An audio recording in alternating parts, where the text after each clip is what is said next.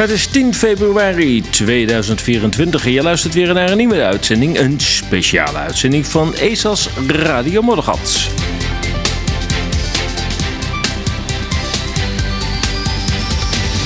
Ik ben vandaag in het gooi. En wie aan het gooi denkt, denkt aan, jawel, de publieke omroep, oftewel de mainstream media. En daarover gaan we het vandaag ook zeker hebben.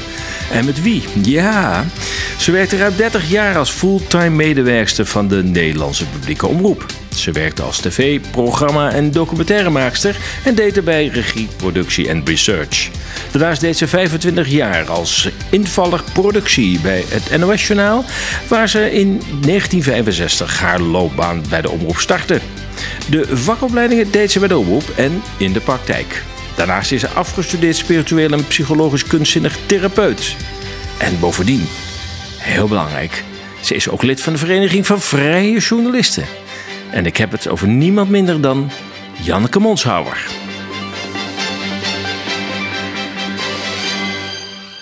Nou, welkom uh, Janneke bij Radio Moddergat. Dankjewel. Ik vind het enig om hier te zijn. Dankjewel. Nou, ik vind het heel leuk om bij je op bezoek te zijn in het Gooi. Ja, en altijd als mensen het Gooi horen, denken ze ook weer aan de publieke omroep. Ja. Ook wel mainstream media genoemd. Nou, daar gaan we het ook zeker over hebben. Maar er is nog zoveel anders wat wij met elkaar zouden kunnen bespreken en ook doen. Dus uh, ja, wat mij betreft uh, gaan we gewoon beginnen. Een aantal interessante onderwerpen, denk ik, natuurlijk rondom ja, wat is er met COVID gebeurd. Hoe kijk je aan tegen de New World Order? De, de ontwikkelingen die wij natuurlijk, waar we nu middenin zitten. Thema's als Rusland en Oekraïne zijn natuurlijk van belang. En natuurlijk in relatie tot uh, ja, de media. Maar ik ben ook heel erg benieuwd naar jouw me mening over de media, de mainstream media, waar we hier bijna vlakbij zitten. Maar ook over jouw mening van wat vind je van de nieuwe, vrije, onafhankelijke, alternatieve media. Wat is daar je mening uh, um, over? En uh, ja, als laatste komen we nog een keer op, uh, of komen we nog terug op de verkiezingen in de Verenigde Staten, wat dit jaar natuurlijk uh, ja, nu al zijn schaduw vooruit werpt. Dus ja, hoe gaat het trouwens met je? Heel goed, dankjewel. Ja? Ja. Wat zijn natuurlijk wel bizarre tijden, hè? Als je alles op een rij zet. het is zeer bizar. Zeer bizar. En ik ehm, heb van heel veel dingen echt, echt veel last. Want ik voel het goed uh, hoe moeilijk sommige dingen zijn. en hoe we beduveld worden. Ik vind dat verschrikkelijk. Dus het is echt traumatisch. En dan moet ik het verwerken. En dan ben ik soms wel drie dagen ziek. En dan de dag daarna, dan, uh, als ik het goed verwerkt heb, dan is het helemaal door me heen gegaan. Uh, dan ben ik opeens weer zo fris als een hondje. En dan denk ik, hup, er tegenaan. En dan ben ik er weer. Maar het doet jouw fysiek dus iets? Ja, pak mijn fysiek aan. Zo. En, en, en je zegt, na, na een paar dagen voel ik me dan toch weer energiek. Uh, hou je dan die, die dagen rustig? Uh, ja. uh, ga je een roman lezen? Of? Nee, helemaal niet. Juist. Ik ga echt. eigenlijk kan ik dan niet veel doen. dan ben ik helemaal. ja, ik moet denken aan nu opeens aan een beeld. Ik was in Californië en mijn zoon was nog klein en er lag een slang op de grond. En ik zei: Oh jongens, hier ligt een slang. Uh, die is dood, want hij doet niks. En toen zei mijn zoon: Mama, die ligt er verteren.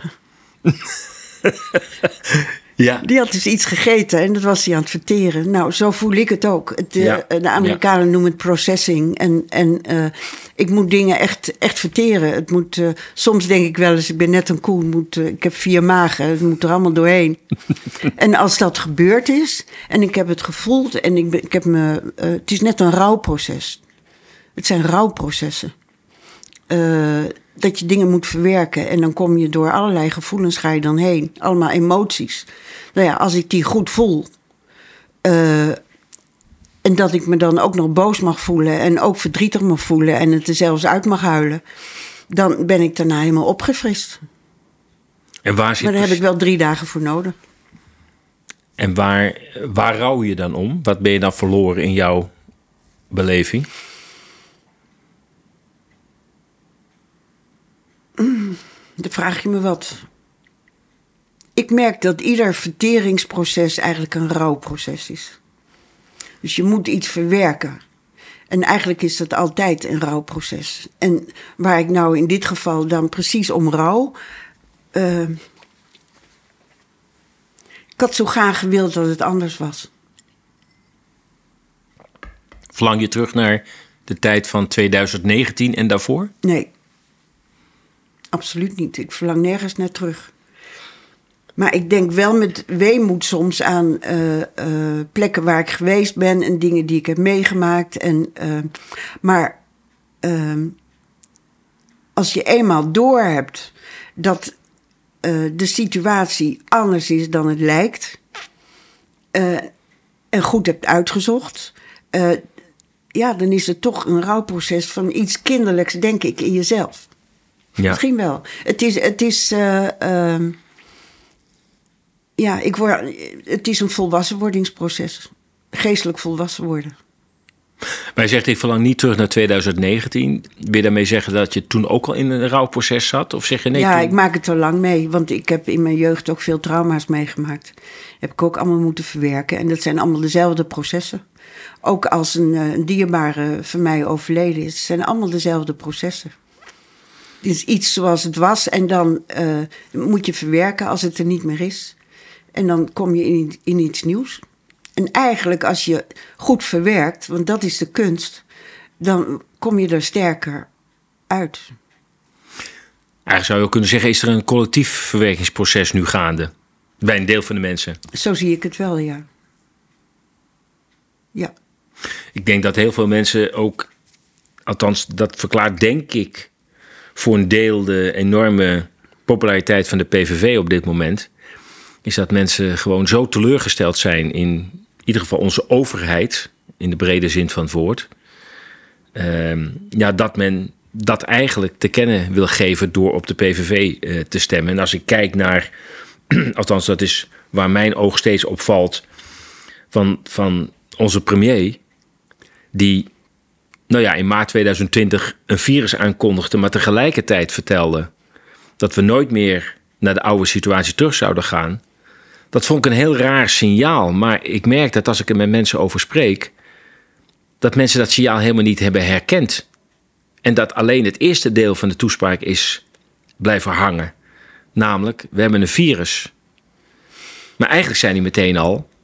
We gaan toch ook niet meer terug naar de oude situatie. We gaan naar een nieuw normaal. En dan denk ik, het signaal is afgegeven. Waarom is dat zo slecht opgepakt? Ook door onze media, onze ogenschijnlijk kritische media. Nou ja, je komt uit de media. Ehm, hoe kijk je er tegenaan? Nou, ten eerste moet ik even lachen om het feit dat, dat, uh, dat hij voor het eerst iets eerlijks heeft gezegd. voor het laatst waarschijnlijk. dat vind ik echt een. Uh, um, maar inderdaad, uh, als je eenmaal. voor de mensen die niet zien hoe we, hoe we beduveld zijn, is het inderdaad een andere wereld geworden. Want we komen van de ene uh, uitvinding in de andere die ons verandert als mens. Ja. Nou ja, je hoeft alleen maar te kijken naar alle windmolens en al die, al die glimmers op de daken. Glimmers. Ook wel zonnepanelen genoemd. ja. Dus voor, voor die mensen die niet doorhebben dat we bedonderd zijn, uh, is het natuurlijk al een enorm grote verandering. We komen in een hele andere technische wereld. Um, en voor de mensen die wel doorhebben hoe, hoe de waarheid echt in elkaar zit, wat dat betreft, of deels, kunnen we ook nooit meer terug. Je kan niet meer terug anders gaan denken. Nee, nee. Dat kan niet. Voor wie zou het, het proces het meest pijnlijk zijn? Degene die nou ja, zich toch redelijk bewust zijn van wat er plaatsvindt? Of degene die, nou ja, wat ze in, het, in de DDR destijds noemen de aanhoeslozen. De mensen die, nou ja, gewoon hun leven leiden en denken, nou, ik drijf wel mee met wat er komt. Aandoen, bewustwording, uh, is een pijnlijk proces Want je moet gewoon dingen verwerken, anders kan het niet. Ja. is- wat, is het pijnlijk wat is het pijnlijke aan dat proces om Nou je ja, bewust te als een worden? kind geboren, geboren wordt, dat is ook pijnlijk. Weet je, Eh, je, komt, eh, je komt echt in een, eh, in een ander bewustzijn. In een nieuwe wereld. Die geboortes, dat zijn allemaal pijnlijke processen. Kan niet anders. Het Ja, hoort Ja. bij de natuur, kennelijk. ja. Als ik nog even bij onze premier blijf. Het is, ik geloof dat hij nu 13 jaar, nou, ik kan, kan gerust de term brui- gebruiken, aan de macht is. Ja. Want dat, ik denk dat dat ook een term is die bij hem past. Ehm, dan kun je toch wel zeggen dat in die 13 jaar heel veel van de Nederlandse soevereiniteit is weggegeven. Ingeleverd, ja. Ingeleverd aan Brussel, aan Genève, aan Washington, aan New York. Enfin, het is overal naartoe gegaan. Ehm, hoe, hoe kijk je daar tegenaan? Dat Nederland in zo'n hoog tempo eigenlijk zijn autonomie kwijt is. Nou ja, was daarvoor natuurlijk al, hè. Het is allemaal stapsgewijs gegaan. En onder Lubbers al. Eh, ehm, toen Lubbers kwam al, want, want hij was de eerste eh, van het grote CDA. En daarvoor waren er nog eh, drie christelijke partijen die eh, allemaal eh, hun eigen stem hadden. En opeens werd het zo eh gemanoeuvreerd en gemangeld. Dat, eh, dat het één grote partij moest worden. En er kwam Lubbers aan de macht. Ja, en dat was de grote vriend van Thatcher. En die kreeg al zijn instructies uit Engeland. En, eh, nou ja, en dan Wim Kok, die vroeger de grote man was die opkwam voor de arbeiders. Nou ja, die is helemaal omgedraaid. En eh, als ik denk aan Balkenende, denk ik nog steeds. En was ik met mijn collega's van, van het NOS Journaal en anderen. Wij lagen krom om, omdat zo'n mannetje eh, eh, premier moest worden. Nou ja, dat, ik vind het nog steeds een eng mannetje. We mochten ook niet meer een stofzuiger met eh, grote toerentallen kopen. We moesten eh, andere eh, lampjes indraaien in onze lamp. Waar die man zich mee bemoeit. En, ehm, en het allerergste vond ik uit die tijd dat Nederland meedeed aan al die oorlogen van Bush. Dus we waren al lang onze soevereiniteit kwijt. We moesten gewoon meedoen met die oorlogen. Nou ja, en, toen en toen eh, kwam. eh, eh, ik ga het rijtje maar even af. Ja. Toen, toen kwam onze Mark Rutte als een zeer jonge, ambitieuze jongen. die altijd maar lachte. Ja. En ook alles weglachte. En later zei hij dan dat hij het eh, zich niet meer zo goed kon herinneren. Maar in het begin lachte hij echt alles weg. En, eh, maar ondertussen, niemand had, had precies door waar hij mee bezig was. Want hij begon, eh, hij begon al met de autonomie van, van de Nederlandse mensen af te nemen. En hoe? Omdat hij zei, eh, eh, er is helemaal geen armoede in Nederland. En hij was dus de eerste. En hij begon als staatssecretaris in het kabinet. En in die tijd heeft hij de, eh, de toeslagen ingevoerd. En dat betekende dat mensen kregen geen hoger loon dan eigenlijk hoort. Ehm, dus die lonen werden bevroren en ook de uitkeringen, de lagere lonen, hè, dan heb ik ja. het over. Ja. Eh, maar dan zei hij, nou, dan krijgen ze een toeslag. Dus die mensen moesten al hun hand ophouden. En dat was al het, het begin eigenlijk van agenda eh 2000, eh, eh, 30? ja, of Of 2021. eh, agenda 21? Ja, en beide. Ja. En eh, dat wij afhankelijk gemaakt werden. Nou, dat vind ik, dat vind ik het gemeenste het- van het gemeenste wat hij gedaan heeft. Wat uiteindelijk tot een groot misbruik heeft geleid. Ook, ook nog. Maar mensen afhankelijk maken in plaats van zelfstandig maken... Ja. is het ergste wat er is. Uitgerekend van een zogenaamde liberale premier. Kun je je voorstellen?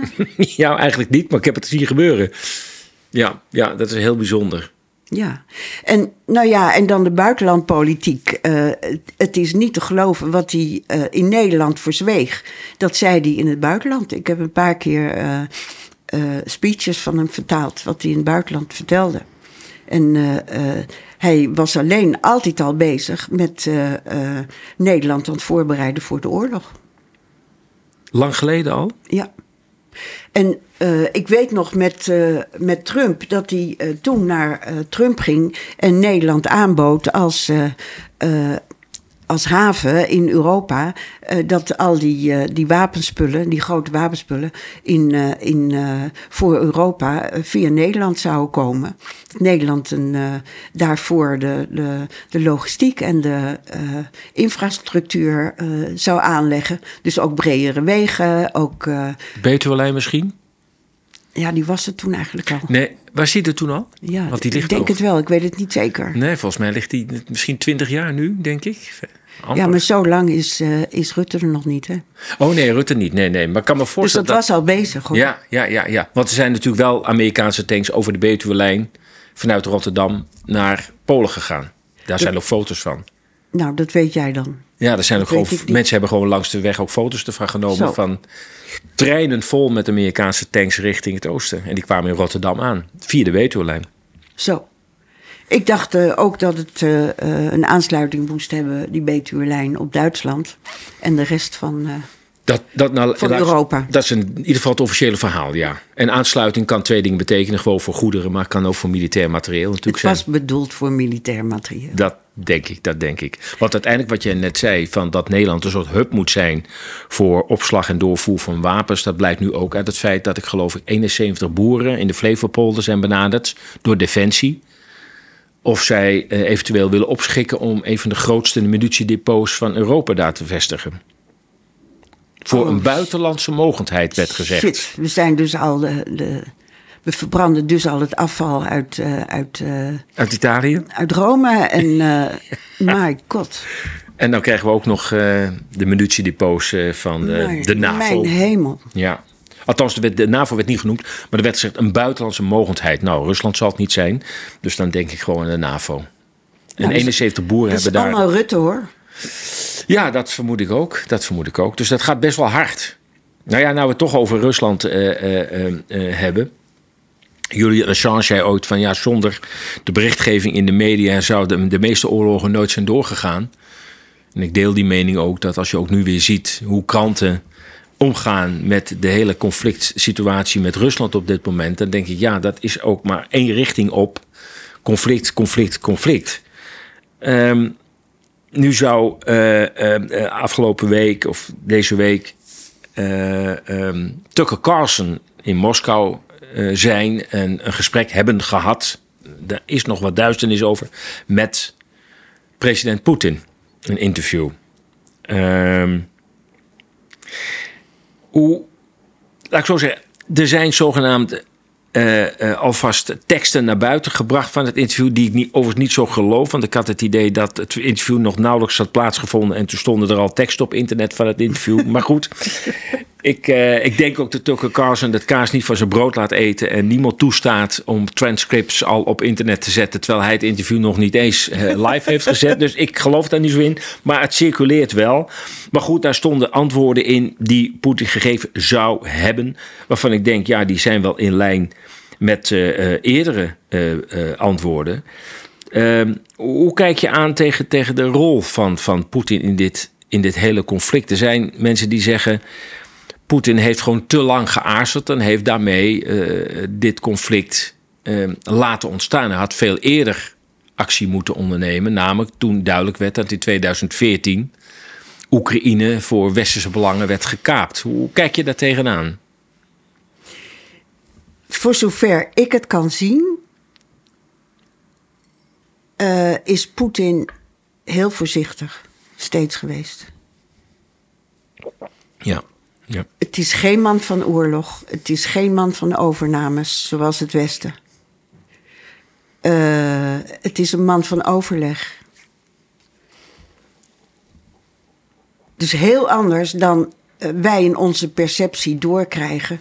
En ik noem het niet mainstream media, maar ik noem het massamedia. Heel bewust. Want uh, in, toen ik uh, als heel jong iemand al begon bij de televisie. toen werd het ook al massamedia genoemd. En toen werd, werden ook al veel boeken geschreven over de negatieve invloed van de massamedia. Um, heb ik allemaal in mijn eerste boek beschreven, aan de nieuws. Um, Ja, je kunt, je kunt, eh, net zoals Goebbels in de Tweede Wereldoorlog heeft gedaan, je kunt mensen kneden. Dat kunnen ze op scholen doen, in kerken. Dat is altijd zo gebeurd. En uh, de massamedia die zijn nu de grote, de grote media om grote publiek uh, te bereiken. Ik, ik, weet, ik weet nog, toen, toen ik begon bij het NOS Journaal... toen hadden we nog maar één uitzending per dag. Oh. En er was nog maar één zender. Dus iedereen keek naar dat ene. Nou, ik zeg het verkeerd. Er was een, een grote uitzending om acht uur en nog eentje voor het slapen gaan. Dus, uh, oh ja, het late journaal. Ja, het late journaal. En dat was veel korter. Maar dat acht uur journaal, iedereen zag het. Ja, ik kan het me herinneren. Zat er ook altijd voor de voor Het was heilig, het was heilig. Ja, kop koffie erbij, ja. acht uur journaal. Nou, wat er dan allemaal ingegoten wordt, niet alleen aan koffie, maar ook aan nieuws.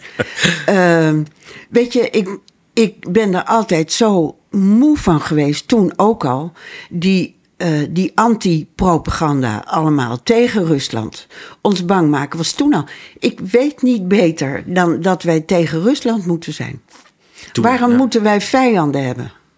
Waarom moet dat? Pro probeer probeer uh, uh, te onderhandelen. Waarom ruzies en vijanden? Daarvoor moeten we, dat vind ik een ziekte. Dat vind ik een, werkelijk een enorme ziekte. En dat uh, de massamedia daar uh, zo enorm uh, aan bijdragen.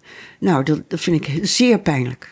Ja, want wat heel erg opvallend is dat als je nu zou zeggen tegen iemand: ik ga ehm, een rondreis door Rusland maken. Dat mensen zeggen, ja, hoe kun je dat nou doen? Dat, dat, je ziet toch wat dat land nu teweeg brengt. Maar dan denk ik van ja, maar al die oorlogen die. Land, wat, sorry, wat brengt het land teweeg? Wat bedoel je? Ja, nou, dat is, is, natuurlijk uiteraard de inval in Oekraïne wordt dan verweten. Maar aan de andere kant denk ik, we gaan graag op vakantie in de Verenigde Staten. En dat land is sinds 1945 nooit zonder oorlog geweest. Ja, dat doen wij zelf. En ja. dan gaan we wel naar Disney toe. Ja. En dan hebben we het helemaal niet over de oorlog en over wat het land allemaal aanricht. Dat is, dat is ook een, best wel vreemd hoe die beeldvorming tot stand is gekomen wat Amerika doet en, en Engeland, overal maar bombarderen en landen over inpikken en uh, uh, daar een andere president neerzetten. En wat ze in heel Zuid-Amerika en Midden-Amerika hebben gedaan, ja. ook met Argentinië en al die landen. Chili. En wij, en wij, en wij zeggen niks. Ja, behalve uh, een paar. Ja, ja. En dat, dat was voor mij uh, uh, heerlijk om bij de omroepen te gaan werken en niet meer bij het journaal. Heeft dat, was dat een groot verschil? Want we praten dan over. Alle de... verschil van de wereld. Ja. Toen werden mensen lid van omroepen om, uh, om de stem van die omroep te kunnen laten horen en hun eigen stem mee te kunnen laten klinken. maar ik heb meegemaakt hoe de mond van de omroepen steeds meer gesnoerd werden. En dan moesten ze steeds meer uh, onder het regime van, van het grote belang. hoe kan ik dat nou het beste zeggen? Ja, hun eigen mond houden, zich aanpassen. Was dat, was ze hebben geen eigen stem meer. Nee, nee dat, dat blijkt. Maar is dat gelijk gekomen met de oprichting van de NPO? Of was het daarvoor al gaande? Je had zenderbazen, NPO. Ik heb het helemaal meegemaakt. Uh, uh, een zenderbaas. Uh, ik, noem, ik noemde het een blokhoofd. Ik, ik vond het zo communistisch. Ik zei, wat hebben we nou? En die, ik, heb, ik heb brieven geschreven naar die man. Ik heb met hem gepraat. Die opeens kwamen er drie netten. En ieder net had een zenderbaas. En die maakte uit wat wel en niet uitgezonden mocht worden. En ik had er direct mee te maken, want ik had een film gemaakt van mijn eigen geld. En die mocht niet uitgezonden worden. Waar ging die over overigens? Over een gebouw in Nederland, het meest duurzame gebouw in de kantoorgebouw in de hele wereld. Maar het mocht niet uitgezonden worden omdat het te goed was. Oh. Het was niet alleen duurzaam, het was ook mensvriendelijk, het was ook biologisch goed. Ik ben erachter gekomen dat duurzaam iets heel anders is dan biologisch goed. Want waar bestond die duurzaam? Je maakt me nieuwsgierig. Waar bestond... Nou, dat was bijvoorbeeld, werd het hele kantoor uh, uh, mede verwarmd door uh, een zonnepaneel, maar dat was passieve zonne-energie. En dat was dus geen glinsterend uh, ding op je, op je dak. Maar dat was gewoon die uh, eh, dat werd via, via eh, ramen en echte zon, eh, zonnewarmte werd dat binnengehaald. En dat kwam, eh, ging door de buizen, eh, door het hele gebouw. En het gebouw was zelfs vaak te warm. Maar ze hadden dan ook eh, eh, daarbij een, eh, een apparaat dat het in de winter, in de zomer kon omzetten, omzetten tot koeling. Ehm, in oorsprong eh, was dat. Ik heb nog nooit zo'n geniaal gebouw eh, meegemaakt. Nog nooit. Het gebouw is nog steeds in Ja, gebruik? dat is het, was het hoofdkantoor toen van de, van de NNB. En dat werd Oh. heel snel. Ik heb dat allemaal In de Bijlmermeer staat toch? zeer dichtbij meegemaakt. En van de NNB. En toen werd het eigenlijk meteen eh, NNB Postbank. Ja. En binnen no time was het ING. Dus ik heb al die fusies meegemaakt. En alle ruzies van de directeuren. Jongen, jongen, jongen, jongen. En toen zei één directeur tegen mij... Janneke, hoe kun jij in die haaienvijver in Hilversum werken? Ik keek hem met grote ogen aan. Ik zei, hoe kun jij hier in die haaienvijver werken?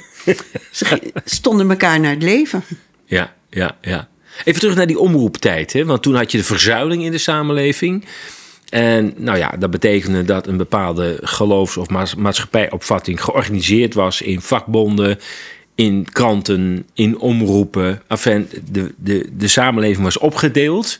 Daarvan wordt nu gezegd van ja, nou ja, daar zijn we vanaf, want het was beklemmend. Ja, Maar ha, ha, ha, ha. dan kon je, kon je niet de baas spelen over die mensen.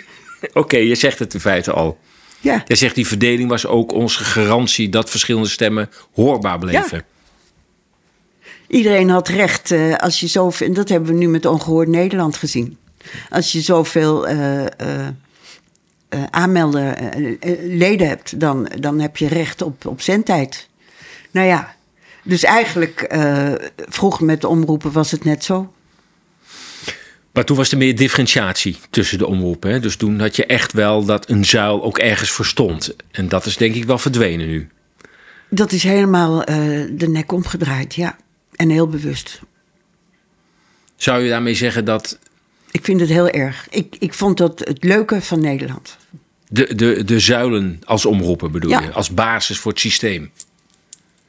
Het was geen basis, het stond ernaast. Want daarnaast is natuurlijk de NTS eerst, Nederlandse Televisiestichting of Nederlandse Omroepstichting, eh, eh, ontstaan. Dat werd later dus de eh, Nederlandse Omroepstichting, NOS. En want toen ik er begon was het nog NTS. Ehm,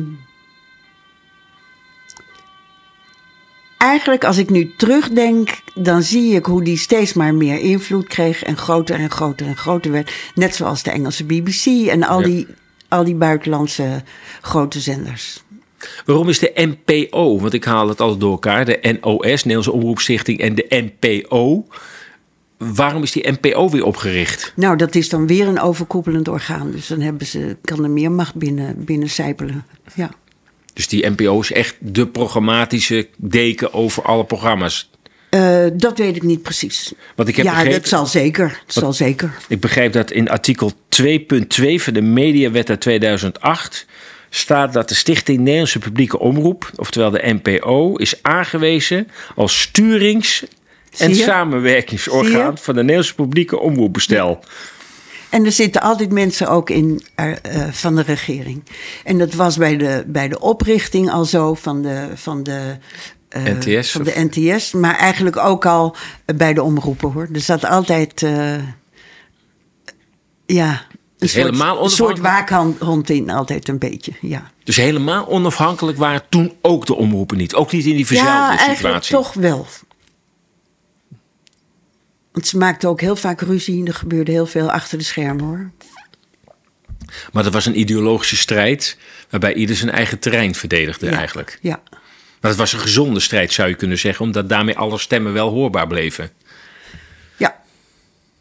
Totdat, want, want iedere omroep had ook zijn eigen actualiteitenrubriek. Ja, dat was me heel herinneren. interessant. Ja.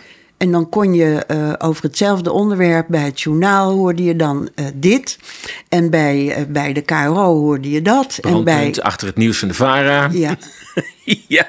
Nou, het leuke was dat je toen als consument van media leerde dat nieuws dus altijd een perspectief had. ja, Want je wist, ik ga nu naar de VARA kijken, dus krijg ik het rode perspectief. En als ik naar de KRO ga kijken, of de NCRV, Brandpunt, dan krijg ik een meer, nou ja, eh, religieus getinte perspectief. Dus ik hoorde andere berichten. Nou, ik vond, Brandpunt wel erg goed hoor. Ja, ja, ja, oké. Jij zegt het was bijna objectief, of niet? Ja. Oké. Ja, ik vond ze erg goed. Maar waar ik eh, eh, het meeste mee te maken had. ja, ik heb met mijn ex-man ook een eh, acht jaar een filmbedrijf gehad. En hadden we thuis eh, montagetafels. En als de montagetafels bij de, bij de NOS. want die hadden een facilitair bedrijf. En die moesten dus allemaal via de NOS Het NOB. het NOB, precies. Eh, nou ja, wij waren dus eh, een verlengstuk dan van het N- NOB. We werden altijd opgebeld van... Janneke, heb je nog eh, montagetafels vrij? En dan werden we ingehuurd.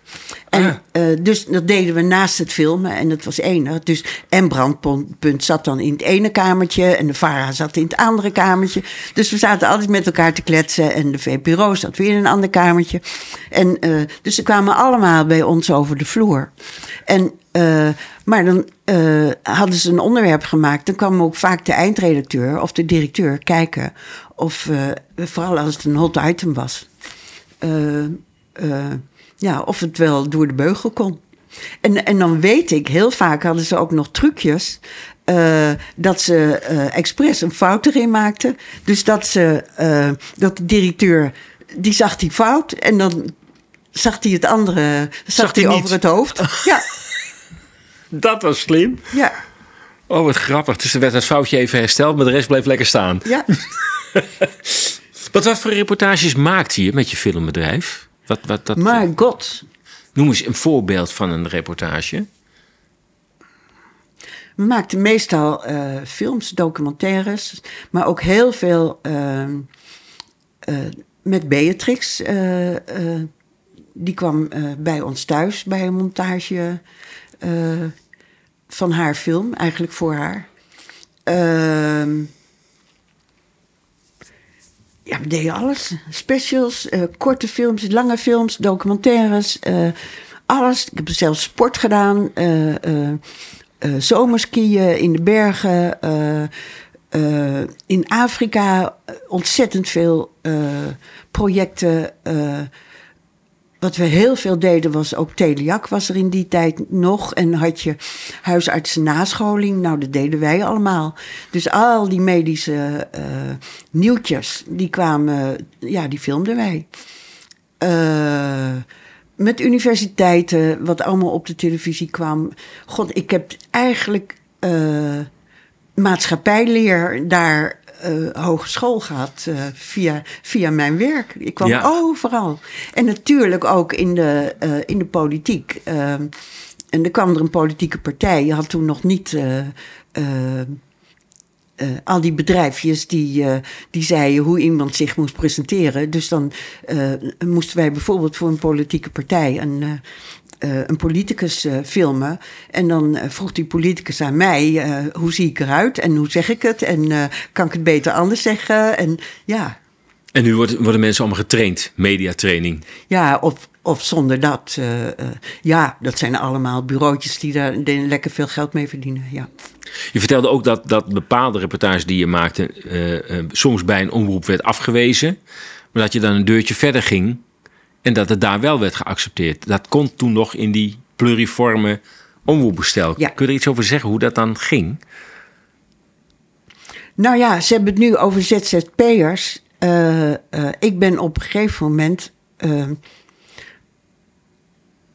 ik wilde op een nationaal eh, zei ik, ik wil documentaires leren maken. Dat vond ik het mooiste, want dan kon ik me verdiepen in onderwerp. En dat kon je bij het journaal niet. En ik deed daar trouwens productie. Maar ik zag aan alle eh, redacteuren op de, eh, op de redactie met wie ik. ik had met de helft ontzettend goed contact, want het waren hele erudite mensen. Want de vorige hoofdredacteur had de beste van de beste redacteuren aangenomen. Het was echt eh hogeschool. Was dat enkelaar? Of hoe Ja, het was enkelaar. Ja, ja, Die heb ik heel hoog zitten hoor. Oké, Daar heb ik het vak van geleerd. bekende naam inderdaad. Nou ja, je bent nou eenmaal een speurneus. Je wordt als speurneus geboren. en dan kun je nou eenmaal niks aan doen. dat nou, zit dat in was- je DNA. Dat was Enkelaar ook. Maar die werd na eh, hij is weggegaan bij het journaal. Ik denk dat hij te eigenzinnig was. Dus dan werd hem een functie, een hogere functie aangeboden. Waar hij geen invloed meer had op de inhoud van het journaal. Ja, ja, Zo ja. is het gegaan. ja. Want tot wanneer heeft Ik Enkelaar... zou hier, ik vind het zo jammer dat hij, dat hij niet meer leeft. Ik zou hier zo graag met hem over willen praten. Ja. Want hij is bitter geworden hoor. Ja? Ja, hij is daar bitter over geworden. Hij is steeds eh, weggepromoveerd. Hij deed ook echt de dingen die eh, eh, eh, bij het journaal not done waren. Dat mocht absoluut niet. Hij ging dus echt met Oldmans Oh ja. persoonlijk op zoek naar de moord op Kennedy, naar de, hoe dat is gegaan. Oef, dat is een onderwerp, daar mogen we het nu nog niet over hebben volgens mij. Nee, en, daar, en hij deed dat. En, en toen mocht hij. NOS, de NOS wilde toen naast de omroepen ook een eigen programma hebben. Oh, Eh, en, dat, en omdat hij zo'n organisator was, werd hij weer gevraagd om dat op te zetten. Dus dat heeft hij gedaan. En toen kwam een programma Monitor. En eh, hij heeft mensen uit Amerika geïnterviewd. En, eh, dat had Oldmans gedaan met een, een ploeg van de CBS. En, ehm, maar allemaal met geld van, van de NOS, hè, van Enkelaar. En dat stond dan of in kranten, of nou ja, Enkelaar die werd dan zwart gemaakt. Ehm, vanwege de onderwerpen die hij had gekozen. ja, Oldmans werd ook zwart gemaakt. Ze werden beide zwart gemaakt. Ja, dus het begon toen al. En, eh, ehm, maar ik heb er heel veel mee te maken gehad. En wat heeft Enkelaar gedaan? Die heeft dat in een interview met, een, met Garrison, een, eh, die zich heel erg verdiept heeft in die moord. En die is heel ver gekomen met, eh, met wie dat heeft gedaan. En dat hadden ze in dat interview. Een interview, ik geloof, van 60 minuten. En toen heb het, journaal eh, mocht dat, door het journaal mocht het niet uitgezonden worden. Je mocht er niet eens over praten. Dat deden we stiekem op de redactie en op de nieuws. Allemaal onderling zaten we te praten erover. Maar Enkelaar, die grappige Enkelaar, die stond voor het journaal 20 minuten van dat interview uit. En na het journaal 40 minuten. Dus het was gewoon de concurrent van zijn eigen journaal geworden. Jeetje. Maar dat maakte hem niet eh, bepaald populair, denk ik. Bij eh, de bazen. Bij de basis zeker niet. Want Nee. daarna moest dat weer gestopt worden. En, eh, maar er kwam er daarna wel weer een nieuw programma. Maar tot wanneer is Enkelaar, zeg maar, de baas van het journaal geweest? Om het zo maar te zeggen. Of eindredacteur, of hoofdredacteur, of directeur. Ik denk zeven of acht jaar. Zeven of acht Hij jaar. heeft het opgezet en het heeft een paar jaar geduurd voordat het liep. En toen eh, zeven, acht jaar. En, en het journaal was negen jaar en toen kwam ik. Dus toen ik daar kwam was het journaal nog een kindje. En met al die mensen, de meeste mensen die aangenomen waren door Enkelaar. Dus het beste van het beste hoor. Maar die zijn er dus waarschijnlijk niet meer, Die denk leven ik. niet meer. Ook zelfs dat niet, nee. Nee, nee. Ik, ik was, eh, ik was eh, ja, eigenlijk wel de jongste eigenlijk. Zo, bestaan dit soort mensen niet meer? Is er geen jonge generatie die eh, kritische journalistiek wil bedrijven? Zeg, is dat er, zijn die er nog? Of zeg je, ze zijn er wel, maar ze worden absoluut niet aangenomen? Of zeg je, ze zijn er ook gewoon niet meer? Ik ken ze niet. Behalve een paar hele goede commentatoren. eh, die ik nu zie in, de- in de, van de vrije, vrije journalisten. No- Noem eens een paar. Nou, ik vind Aprieteling heel erg goed. Ja, ja, ja. Eh, ik vind jou heel erg goed. Oh, dankjewel. Ja. Eh, en iedereen is natuurlijk gespecialiseerd in, in bepaalde onderwerpen. Ja. Dus ze zijn echt goeie, maar die, die staan buiten de massamedia. Dus die moet je weten te vinden. Maar ja, dat was, dat was vroeger al. Ik heb toen internet er was, ehm, toen eh, kwam ik erachter, ik hoef maar een woord in te toetsen. En ik, ik vond de scala eh, aan boeken en aan informatie, waarvan ik dacht, oh, dat bestaat ook. Nou, mijn hart ging open, mijn ogen ook. En eh, ik heb het allemaal gelezen. Nou, ik, ik kwam erachter dat het leven heel anders in elkaar zat. Terwijl ik al niet achterlijk was, weet je. Ja, ja, ja, ja. Dus internet heeft voor jou een hele toegevoegde waarde gehad om... De wereld is open gegaan met internet. Voor mij hoor. Ja, toch zie je nu wel weer een andere tendens. Als je nu bijvoorbeeld eh, een zoekmachine als Google en al die andere zoekmachines die ook op Google gebaseerd zijn, uh, ja, bepaalde onderwerpen uh, intikt, dan kom je toch vooral op gestuurde uitkomsten. Altijd. Ik vind het nu niet meer wat ik tien jaar geleden vond. Nee. nee. En ik kan nog steeds terugvallen op wat ik tien jaar, want ik heb alles eigenlijk opgeslagen. En ik heb een enorm archief daarvan. En, en toch, als je doorzoekt, is, is het nog wel, je moet doorzoeken. Ja. En dat zeggen ze vaak, doorspitten, doorspitten, doorspitten. Ja. Totdat je... Maar je hebt het niet in de eerste tien pagina's staan, bij wijze van spreken. Je moet echt steeds maar doorklikken. Toen ook al niet zo. Oh, toen ook al niet. Oké, maar het lijkt ja, wel me makkelijker. Ja, dat lijkt mij ook. Ja, want als je nu echt een zoekopdracht ingeeft, dan ja, duurt het wel heel lang voordat je echt iets anders treft Ja. dan het officiële verhaal. Ja, dat is waar. Dat is waar. En toch kun je het nog vinden. Ja, ja, en, ja. en daarvoor moest je naar de bibliotheek, weet je. Ja, ja, ja. En mijn tweede man was een schrijver, een diplomaat, met een enorme bibliotheek. En eh, die, had, die had gewoon als tweede huis een bibliotheek. En zoals op de oude plaatjes, dan moest je trapjes opklimmen om, om een boek uh, tevoorschijn te halen. Maar ook daar waren die boeken niet die ik eigenlijk zocht. Dus uh, uh, het aanbod, ook bij de gewone bibliotheken, is toch allemaal echt beperkt. Ze zeggen wel eens dat het nu weer beperkt wordt. Hè? Dat bepaalde boeken uh, niet meer mogen omdat ze racistisch zijn of de genderbeweging negeren of in discrediet brengen. En die boeken worden nu ook uit de bibliotheek gehaald. Weet je, ik werd vroeger al laaiend als iemand mij zei hoe ik moest denken of wat ik moest doen. En dat gevoel, dat bekruipt me dan weer. Hè? Ik word van binnen ontzettend opstandig. ja, ja, ja. Ik denk, ja. waar halen ze het lef vandaan om dat te doen? Opvallend is wat jij zegt, dat, dat de kritische journalisten ook uit de grote media uh, vaak nu een keuze maken om zelfstandig verder te gaan. Simon Hirsch, als het gaat om een Amerikaanse journalist, is natuurlijk een bekende naam. Ja, dat was vaak geen keuze. Je wordt eruit gekeken. Ja, ja, ja, dat is ook zo. Ja. Het is geen keuze. Ja. Want het liefst, een, een journalist uh, werkt het liefst voor een goede krant. Of voor een, weet je? Ja. Werkt wel het liefste voor de massamedia. Je wordt eruit gekinkeld, heel simpel. Ja. Want met Tahibi geloof ik dat er ook een, een journalist is. Zo zijn er heel veel nou ja, nou ja, ik heb het over Karel van Wolferen bijvoorbeeld. Ja. Die werkte samen met Sam Plonion, hoe heet die? Dat die is er ook uitgekinkeld. Van, uh, met NRC. NRC. Ja. ja. Die hadden kritiek op iets.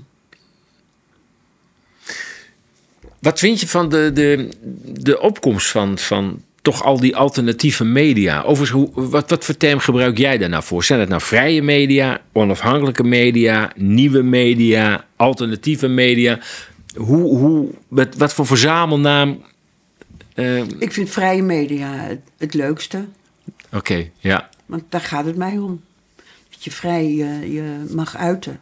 Ja. Wat vroeger eigenlijk uh, bij de omroepen kon. Maar ja, toen hadden we nog niet door dat we, dat we gestuurd werden door een hele globalistische golf. Toen ja. hadden we dat nog niet door. Ja, je zegt eigenlijk toen was het eigenlijk al dezelfde trend gaande. Alleen toen wisten we het gewoon niet. We waren er niet mee bezig. Uh, nee, nu... je wist wel dat uh, Amerika een grote hand had in, uh, in bijvoorbeeld al die oorlogen. En de overnames van al die landen. Staatsschepen, ja. Ja, en wat ik ook heel erg heb uitgezocht is in Afrika want daar begon het bij mij mee. Hoe komt het, al die opstanden en oorlogen en hongersnoden in Afrika? Nou, dat is gewoon. Ik vind het zo verschrikkelijk om, om te zeggen. Maar daar begon, daarom begon ik de boel uit te zoeken. Op een gegeven moment moest het gewoon sabotage zijn. Want anders was het al lang, waren die mensen al lang bovenop gekomen. En hadden ze een, uh, uh, een hoger level gehad om, om te kunnen leven. Ja, want ik volg een boer uit Kenia. Die is overigens ook landbouwkundige ingenieur. Dus een mooie combinatie natuurlijk. Um, en die, die, die heeft een, een, een, een podcast. En op Substack heeft hij een eigen plek, zeg maar. Waarin hij regelmatig over zijn werk vertelt. En die is een warm pleitbezorger bijvoorbeeld van fossiele brandstoffen. Die zegt ook van... ja, jullie komen nu hier met het verhaal dat wij eh, onze fossiele brandstoffen, die hier rijkelijk in de grond zitten, dat wij die in de grond moeten laten zitten. Overigens, verderop is Shell ze uit, de grond aan het halen voor eigen eh, gebruik in het westen. Maar goed, los daarvan. Hij zegt maar, realiseer je wel. ehm, Afrika is zo groot en zo vruchtbaar. Wij zouden de hele wereld kunnen voeden. Zoveel vruchtbare grond hebben wij. Maar hij zegt, als ik nu mijn land wil omploegen, heb ik 80 mensen twee dagen lang nodig. Hij zegt, ik kan het ook met een tractor in twee uur doen. Maar dan moet ik wel benzine hebben. En dat is hier heel moeilijk te krijgen. En jullie maken het me steeds moeilijker vanwege een duurzaamheidsverhaal. Hij zegt maar, jullie ontnemen ons onze toekomst daarmee. Jullie hebben generaties geprofiteerd van die fossiele brandstoffen. Nou zijn wij aan de beurt. En nou komen jullie hier met een duurzaamheidsverhaal. Hij zegt, wat dat betreft mag die hele VN, zei hij ook, en die WHO.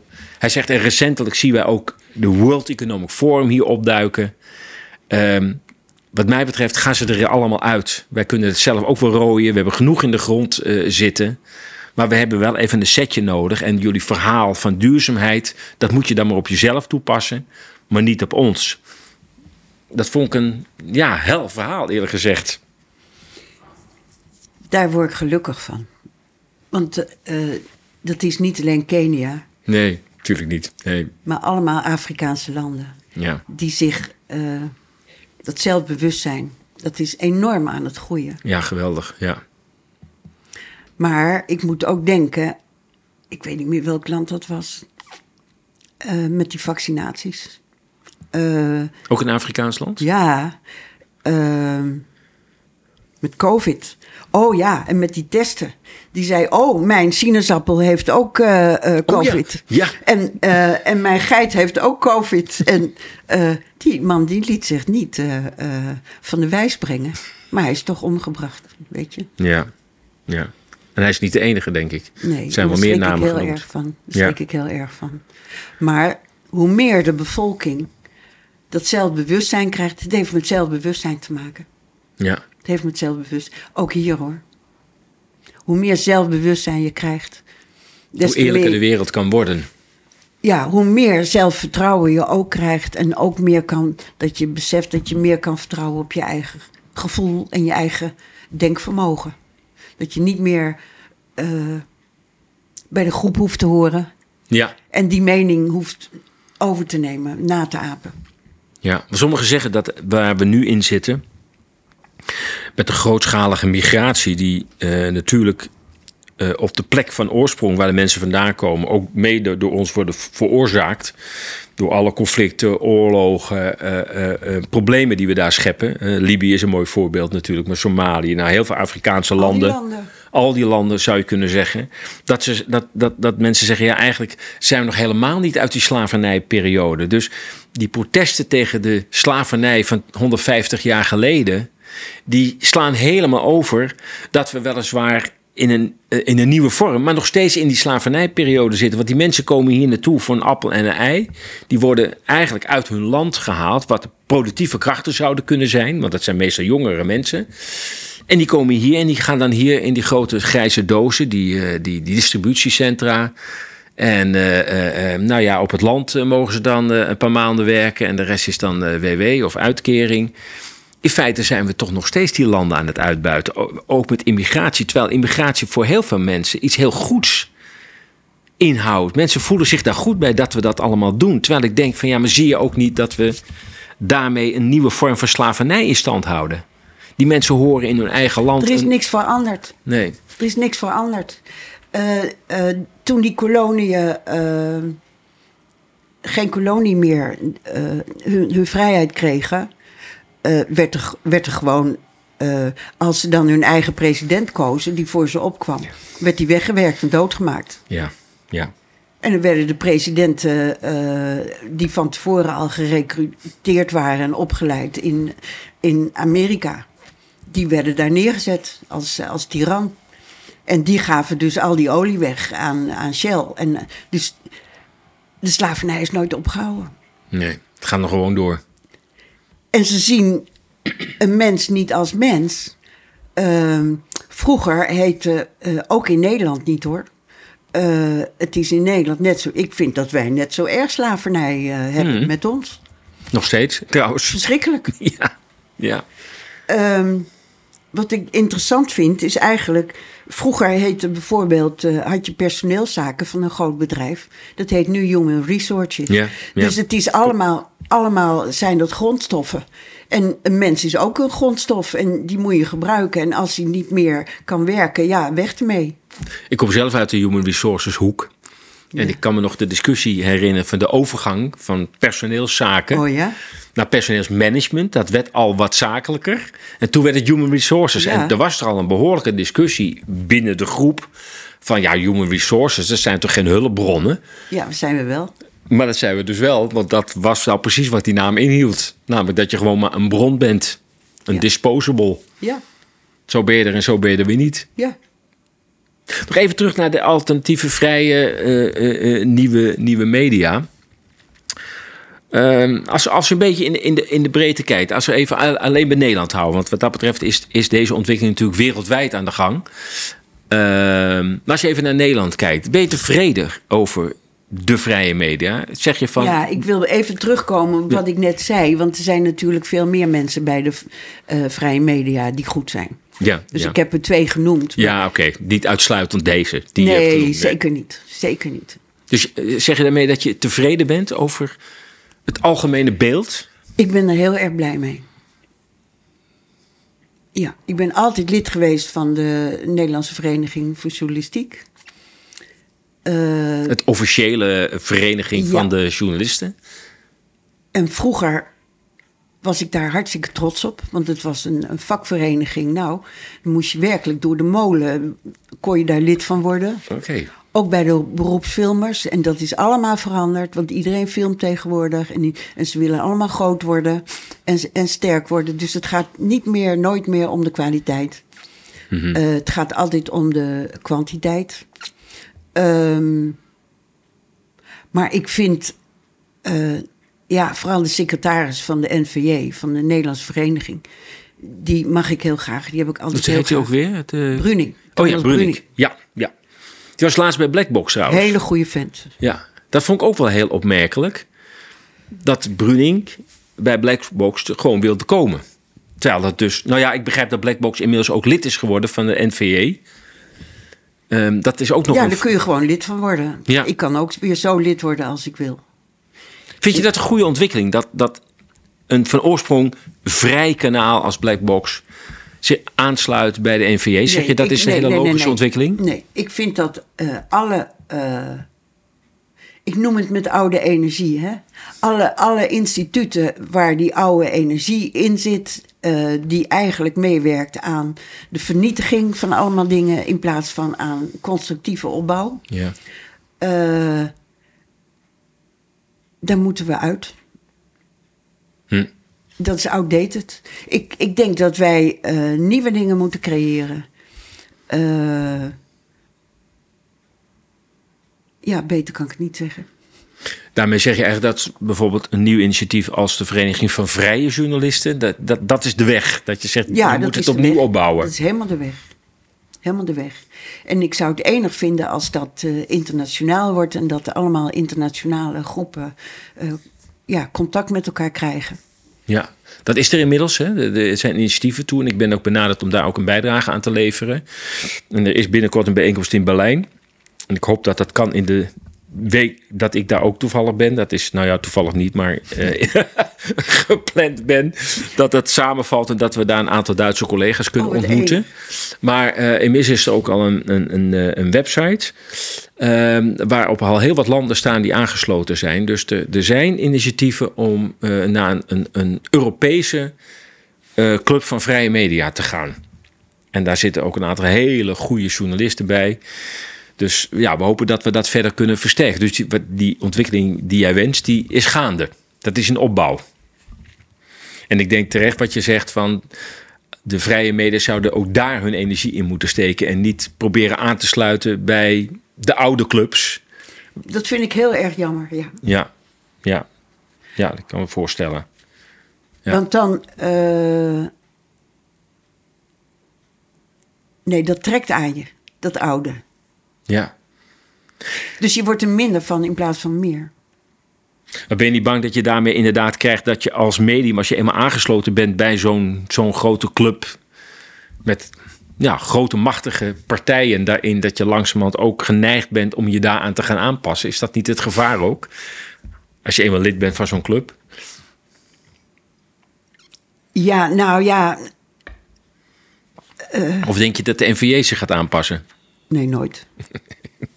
Nee, dat denk ik ook niet. Hè? Nee.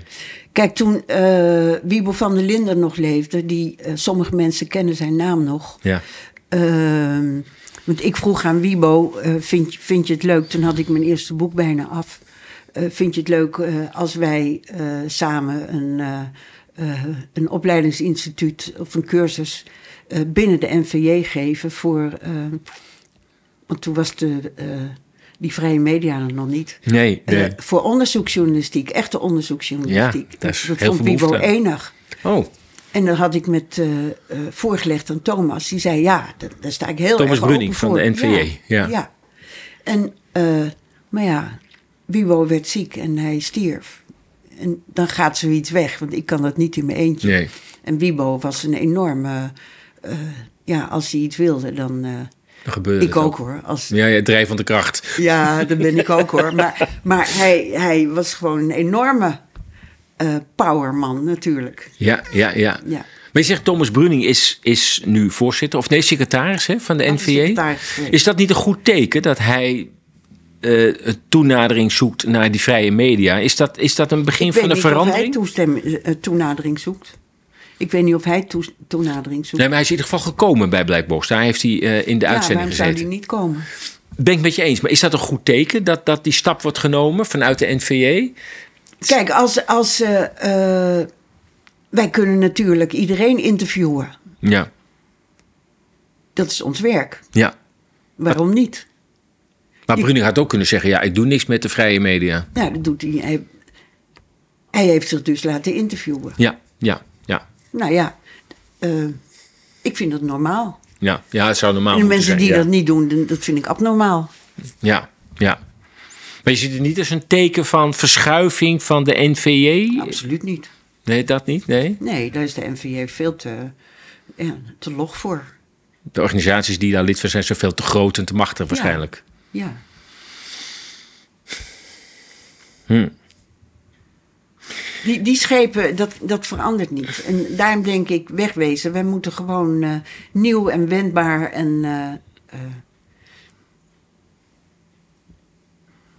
inspirerend worden, zijn. En als je daarin verzuipt, dan word je ook niet meer inspirerend. Je, je, je,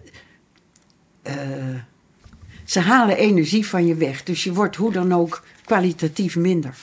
Ja, ja. Kortom, energie steken in eh, eh, de In eigen... de nieuwe weg. Ja, de nieuwe Mijn weg. vader was wegenbouwer en ik heb Oh. geleerd om nieuwe wegen aan te leggen. Oké. Ja, Nou, dat vind ik wel een hele mooie beeldspraak. ja. Ja, nou over nieuwe wegen gesproken. ehm, misschien dat in november ehm, in de Verenigde Staten een nieuwe weg wordt ingeslagen. Maar een weg die heel veel mensen niet eh, willen inslaan. Hoe kijk je er tegenaan? Er is zoveel druk op, eh, nu al op die Amerikaanse verkiezingen. Ik ben daar nu een tweede boek over aan het schrijven. Ik heb één boek geschreven over de verkiezingsfraude. Trump en, Ja. eh, en de verkiezingsfraude. Ehm, maar ik kon daar lang niet alles in kwijt. Terwijl het toch al een lijvig boek is geworden. Ik ben nu met het het- tweede boek bezig. Want het boek heet Trump, stemfraude en waarheid. Ja.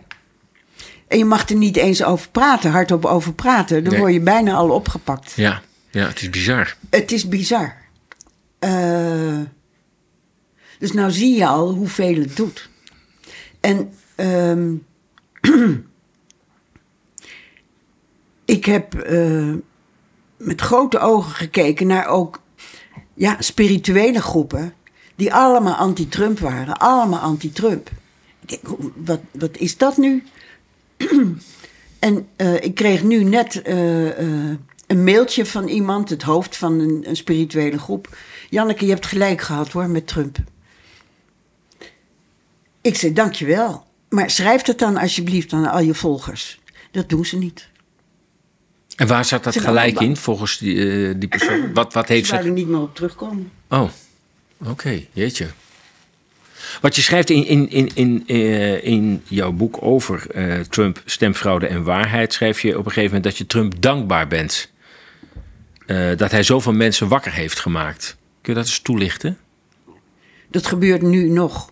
En nu is het verschil tussen Biden en Trump heel erg groot. Hè? Ja. Dus steeds meer mensen worden ook wakker. Dus heel veel.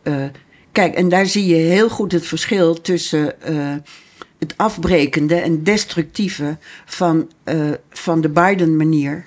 Kijk, Biden heeft al in de 70er of begin 80 jaren eh, eh, een stuk geschreven over I love the New World Order. Oh, toen al. Ja, Toen was hij senator, neem ik aan. Of wat was hij toen?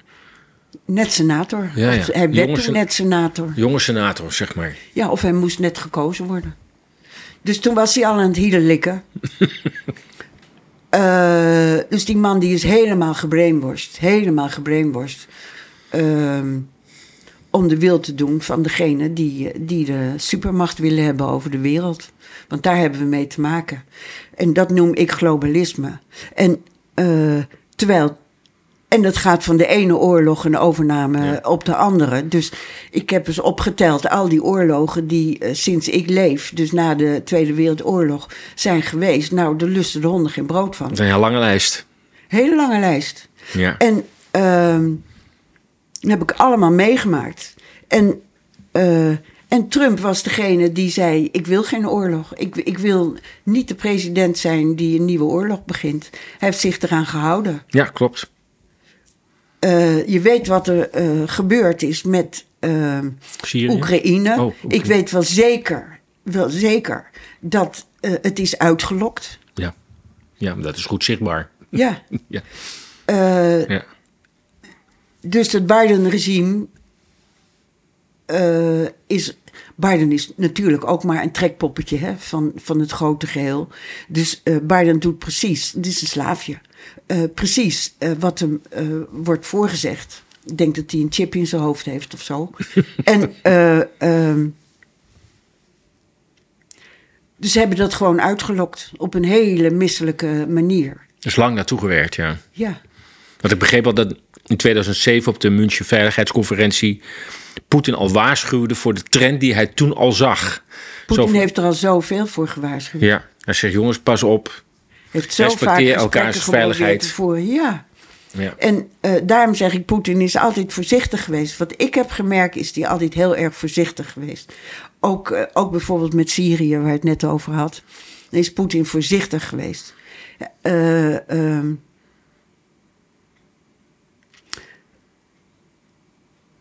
maar Biden is, is naar mijn idee een destructief...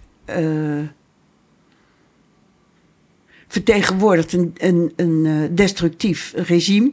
Van de neocons zou je kunnen zeggen. Ja. Eh, en van al die oorlogshaviken. en eh, terwijl Trump hoort bij een heel ander kamp. Dat is een nieuwe manier. die geen oorlog wil, die geen met mensen onderhandelen. Ja, dat is een hele andere beschaving. Wat opvallend is bij, bij wat mensen natuurlijk over Trump zeggen van ja. ehm, die zeggen ja, het is, het, is, ook een kapitalist. Het is ook een man die groot geworden is met het grote geld. Die hoort eigenlijk, die komt uit hetzelfde nest. Hoe kijk je daar tegenaan? Wa- Waarom zou Trump heel uit een heel ander nest komen dan nou, al die andere presidenten die we hebben gezien? Hoe kan het dat zo'n zo iemand ineens uit een heel ander uit een zijspoor ineens op die stoel terecht is gekomen? Nou, dan kennen ze hun geschiedenis niet goed. Moeten ze maar eens goed kijken naar die andere presidenten. Uit wat voor nest die komen. Eh, ook mil- miljardairs. Ja. Eh, eh, de Kennedys ook. Eh, sorry hoor. Jij zegt dat is al eerder gebeurd dat er. Steeds. Ja. Ja. Er is een Roosevelt geweest Ja, voor oh ja. die andere rozen. Die komen ook uit zo'n rijk nest. Die Bushes die komen ook uit zo'n rijk. Dus wat kletsen ze? Ja. Maar toch is het zo dat, dat over het algemeen de presidenten die er komen. heel erg die achterliggende machten bedienen. En dat Trump daar op de een of andere manier van los staat. Hoe, hoe kan dat? Nee, hij staat er niet van los. Hij, hij probeert zich er van los te maken. Dus hij heeft zijn intenties geuit. eh, en het duurde heel lang voordat ik eh, bij elkaar had welke intenties dat waren. Ik heb dat hele America First. Dat Ja. is super interessant. Als je dat echt gaat lezen. Dan denk je, en dat is gewoon een zelfbewustzijn. Dan denk ik, ja, maar dat is een hele andere, hele andere energie dan eh, dat je je op moet offeren voor, eh, voor weet ik wat. Voor de Eh, zoveelste oorlog. ja. Ja, ja. Ja, wat valt me wel op als je eh, eh, bewust een keer een toespraak van hem bekijkt, eh, die soms ook wel een uur kan duren. Dat ik denk, ja, dan zie je een heel andere Trump dan in al die soundbites die je dan eh, op de journaals te zien krijgt. Dat, eh, dat, dat zijn net Ja, de, Poetin bekkentrek eh, momenten. En bij Poetin is dat precies hetzelfde. Ja, ja. ja, En alleen maar om, omdat Trump eh, eh, eh, met Poetin wil onderhandelen. En zelfs hij, hij wilde, en daarom vinden ze eh, Trump zo gevaarlijk. Hij wilde met Poetin een afspraak maken eh, om de wapenwetloop te stoppen. ja. eh, eh, en vredesakkoorden eh, met Rusland. Nou, dan, dan vinden ze Trump een landverrader. Eigenlijk heeft Ronald Reagan dat destijds in IJsland ook gedaan. Met Gorbachev destijds om de, de ballistische eh, eh, raketten. Ja, maar daar zat op- iets anders achter. Ja? Eh, Reagan is, die zat in hetzelfde kamp als Trump, als, als Bush. En die wordt vaak genoemd als een goede president, maar dat was hij helemaal niet. En ehm, hij is net zo opgeleid als Bush en hij was een acteur. Eh, net zoals Zelensky een acteur is. En ik, wat hebben wij nog zitten lachen eh, dat die stomme, stomme Reagan eh, president werd. Ja. Ja, moest hier in Europa heel Op erg de op gelachen redactie ja. bij het journaal. God, wat hebben we daarom gelachen. Toch heeft hij dan wel die, oliedom. toch heeft hij dan wel die, die, die treaty gesloten om de ballistische hij raketten gedaan. te Maar als je, beperken. als je verder nagaat hoe ze daarin zijn gestonken... en hoe dat het begin was van een stiekeme overname van het westen van Rusland... Mhm. dus van eh, de Sovjet-Unie... hoe ze eh Gorbachev hebben ingepakt. Ja, dat was een zwak moment voor de Sovjet-Unie eigenlijk, Gorbachev. Eh, eigenlijk Raisa, zijn vrouw... Oh ja? Ja, die ging overstag. En ze lieten zich vetteren om, omdat ze een nieuwe koers wilden varen met de Sovjet-Unie. Dus een verlichte koers. Ja. ja. Eh, wat heel goed was. Want het was gewoon een hele goede vent, Gorbachev. En zijn vrouw ook. Maar ze hebben zich eh, eh, in de luren laten leggen door Bush en consorten. Die net deden of ze respect hadden, maar het ging om een stiekeme overname van. ze wilden. Rusland gewoon hebben, klaar. En het waren En het is ook gebeurd in die tien jaar van eh, onder Yeltsin. ja, 1990, 2000. Ja. Want Yeltsin was min of meer ook een vriend van het Westen, toch? Tussen aanhalingstekens. Althans, hij is ver Hij zat in- meegegaan. hij zat in de tank van het Westen. Ja, want want eh, eh, ze hebben ontzettend veel eh, staatsschulden gemaakt toen. Hij zat in de tank. Hij, kon- hij moest alleen maar doen. Terwijl het er eigenlijk om ging dat ze nationale eh, gevoelens kregen binnen de Sovjet-Unie. Eh, dus weer zelfbewustzijn. Het gaat altijd om zelfbewustzijn. Dat nu gegroeid is onder Poetin, zou je kunnen zeggen. Ja. Hoe kijk je aan de, een beetje een afrondende eh, vraag? We kennen natuurlijk de geschiedenis tussen Duitsland en, en destijds de Sovjet-Unie, ofwel Rusland. En tussen de Duitsers en de Russen. Dat is een hele complexe geschiedenis natuurlijk. Met zijn eh, ja, 26 miljoen eh, gestorven eh, Russen door toedoen van de nazi's. Eh, de meeste mensen kennen het getal 26 miljoen niet. Hè. Als 6 miljoen, dan zegt iedereen ook weet wat je bedoelt. En als je zegt, ja, ken je dan ook het getal 26 miljoen? Dan zegt iedereen, ik weet niet waar je het over hebt. Maar we hebben het dan over het aantal doden in, eh, in Rusland ten tijde van de, de Tweede Wereldoorlog. Dus het is een hele moeizame relatie natuurlijk altijd geweest. En toch trekken die landen altijd weer naar elkaar toe. En ik heb het idee dat natuurlijk de Verenigde Staten dat al zag aankomen en dacht we moeten wat doen om die Duitsers en die Russen weer eens even uit elkaar eh, eh, te houden. Hè. Keep the Russians out, the Germans down and the Americans in. Het wordt te machtig anders. Hè? Het wordt te machtig en toen ging die pijp eruit en eh, de Nord Stream 2. En toen werden ze verplicht om het vier keer zo dure LNG-gas te gaan importeren, waardoor de Duitse industrie onderuit ging omdat de, de energiekosten te hoog werden. Nu heeft Biden zelfs nog gezegd: ik geef geen nieuwe exportvergunningen meer af. Dus terwijl Duitsland in hoog tempo een LNG-terminal aan het bouwen is aan de Oostzee, zegt uh, Biden: oh ja, maar die LNG gaan we trouwens ook beperken. Dus dat land wordt helemaal onderuit gehaald. Hoe, hoe, hoe, hoe kijk je aan tegen, tegen hoe zo'n land nu bestuurd wordt. Dat, dat, dat dit, dat machtige Duitsland, waar we tot vijf, zes jaar geleden nog heel erg tegen opkeken als de motor, de Mercedes van Europa. Dat dat in, in, nou, in enkele jaren tijd zo wordt gekneveld en onderuit wordt gehaald. En ook nog wordt opgezet opnieuw tegen Rusland. Nou, ik denk eigenlijk uh, even aan één ding. Uh, dat uh, in Duitsland hadden volgens mij de Amerikanen het altijd voor het zeggen. Want er was natuurlijk een, en nog steeds een enorme Amerikaanse legerbasis. Ja, klopt.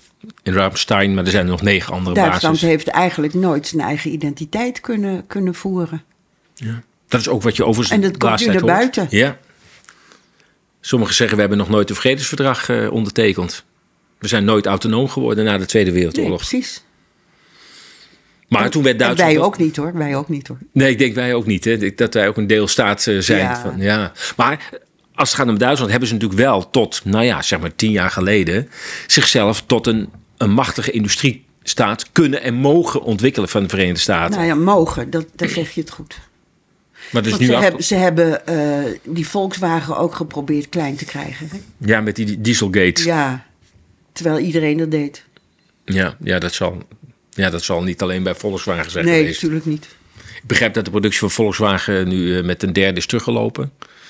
Dus een derde van de, uh, van de productie. Ze, ze, willen Duitsland destabiliseren. Hoe kan dat aflopen? Nou ja, je ziet nu uh, de enorme mensenmenigte tegen die AFP. Ik weet Ja. niet wat ik zie. Die AFD, ja. AFD. Dus overal komt een tweedeling. ja. Een gigantische tweedeling. Van uh, mensen die op weg zijn naar zelfbewustzijn en mensen die uh, zich nog helemaal echt bij de kudde willen horen.